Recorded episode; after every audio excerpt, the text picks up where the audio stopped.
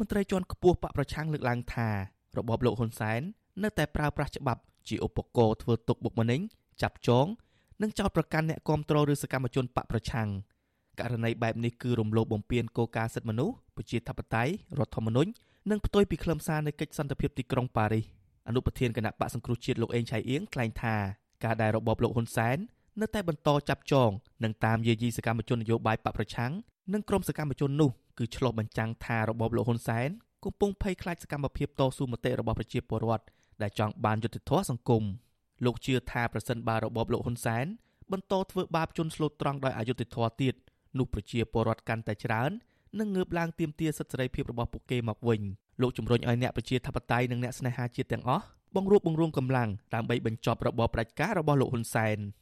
គាត់ខ្លាចគណៈបកសុជាចឹងហើយបាទគាត់ ចាប់លោកកឹមសុខារំលាយគណៈបព្វជិតហើយគាត់មិនអស់ចិត្តគាត់នៅខ្លាចសមោលទៀតយើងគាត់បានតាមធ្វើទុកបុកម្នេញមកលើសកម្មជនសកម្មជននិងអ្នកដែលហ៊ានតស៊ូមតិកាលណារបបហ៊ុនសែននៅតែប្រព្រឹត្តបំពានមកលើជនស្រុកត្រង់ដាក់យុទ្ធធរវាមិនអាចចប់ទៅបានទេណាគឺមនុស្សគឺថាត្រូវតែតវ៉ាទៀមទៀតយើងរួមរួមគ្នាទៅកម្លាំងអ្នកប្រជាធិបតេយ្យអ្នកស្នេហាជាតិគឺរួមគ្នាក្នុងមួយទៅគឺនៅពេលមួយគឺរបបប្រជាជនត្រូវបានបញ្ចប់ការលើកឡើងរបស់ថ្នាក់ដឹកនាំបកប្រឆាំងនេះ គឺបន្ទាប់ពីរបបក្រុងភ្នំពេញនៅតែបន្តយុទ្ធនាការធ្វើទុកបុកម្នេញលើសកម្មជនគណបកសង្គ្រោះជាតិដោយឥតស្រាកស្រានដូចជាការចាប់ខ្លួនតាមអំពើចិត្តការប្រើអំពើហិង្សានិងចោទប្រកាន់តាមផ្លូវតុលាការជាដើមឆ្លើយតបនឹងរឿងនេះអ្នកនាំពាក្យគណៈបកប្រជាជនកម្ពុជាលោកសុកអេសានថ្លែងការពីថាវិធានការរបស់អាជ្ញាធរទៅលើសកម្មជនបកប្រឆាំងទាំងនោះគឺជាការអនុវត្តច្បាប់លោកចាត់ទុកការលើកឡើងរបស់មេដឹកនាំបកប្រឆាំងនេះគឺបំណងធ្វើឲ្យប៉ះពាល់ដល់រដ្ឋាភិបាលនិងចង់កេងចំណេញនយោបាយប៉ុណ្ណោះ អត់ទេអ្នកសិទ្ធិមនុស្សទៅគេនិយាយពីរឿងសិទ្ធិមនុស្សអង្គតែរដ្ឋរដ្ឋាភិបាលអាជ្ញាធរសមត្ថកិច្ចគេធ្វើតាមផ្លូវច្បាប់បញ្ចេញមតិមានចែងនៅក្នុងរដ្ឋធម្មនុញ្ញមាត្រា31មាត្រា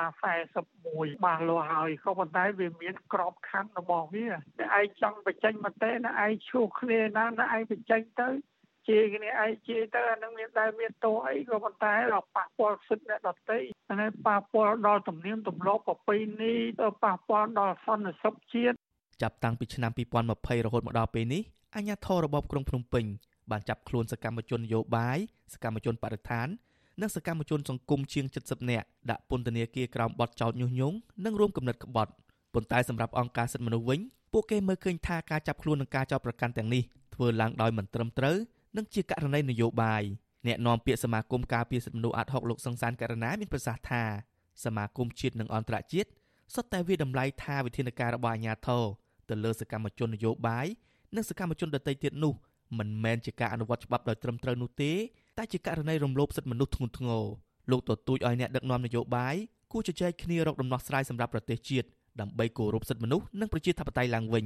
ទាំងអស់នេះគឺតែងតែមានការរងការរិះគន់ជាក់ស្ដែងយើងឃើញថាទាំងក្នុងស្រុកទាំងក្រៅស្រុក សហគមន៍អន្តរជាតិគេបានចំណាត់ការហើយមកលើរដ្ឋាភិបាលដែលប្រើប្រាស់នៅវិធានការធ្វើទុកបុកម្នេញផ្នែកច្បាប់ឬក៏ធ្វើទុកបុកម្នេញផ្សេងផ្សេងពាក់ព័ន្ធទៅនឹងបញ្ហាប្រើប្រាស់ហិង្សាអីជាដើមគឺគេបានដកប្រព័ន្ធអនុគ្រោះពន្ធ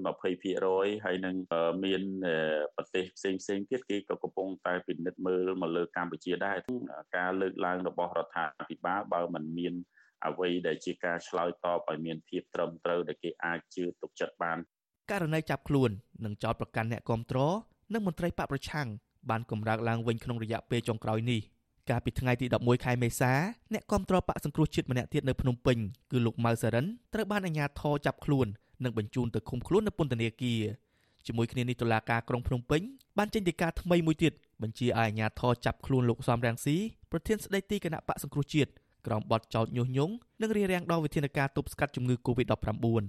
អ្នកតាមដានស្ថានភាពនយោបាយយល់ថាចំណាត់ការទាំងនេះធ្វើឡើងដើម្បីកម្ចាត់សម្លេងគ្រប់គ្រងបកប្រឆាំងដែលនៅសេសសល់ចុងក្រោយឲ្យអស់ពីកម្ពុជាហើយនឹងរារាំងមិនឲ្យលោកសំរងស៊ីអាចវិលមកធ្វើនយោបាយនៅកម្ពុជាវិញបានខ្ញុំបាទចិត្តចំណានអាស៊ីសេរីពីរដ្ឋធានី Washington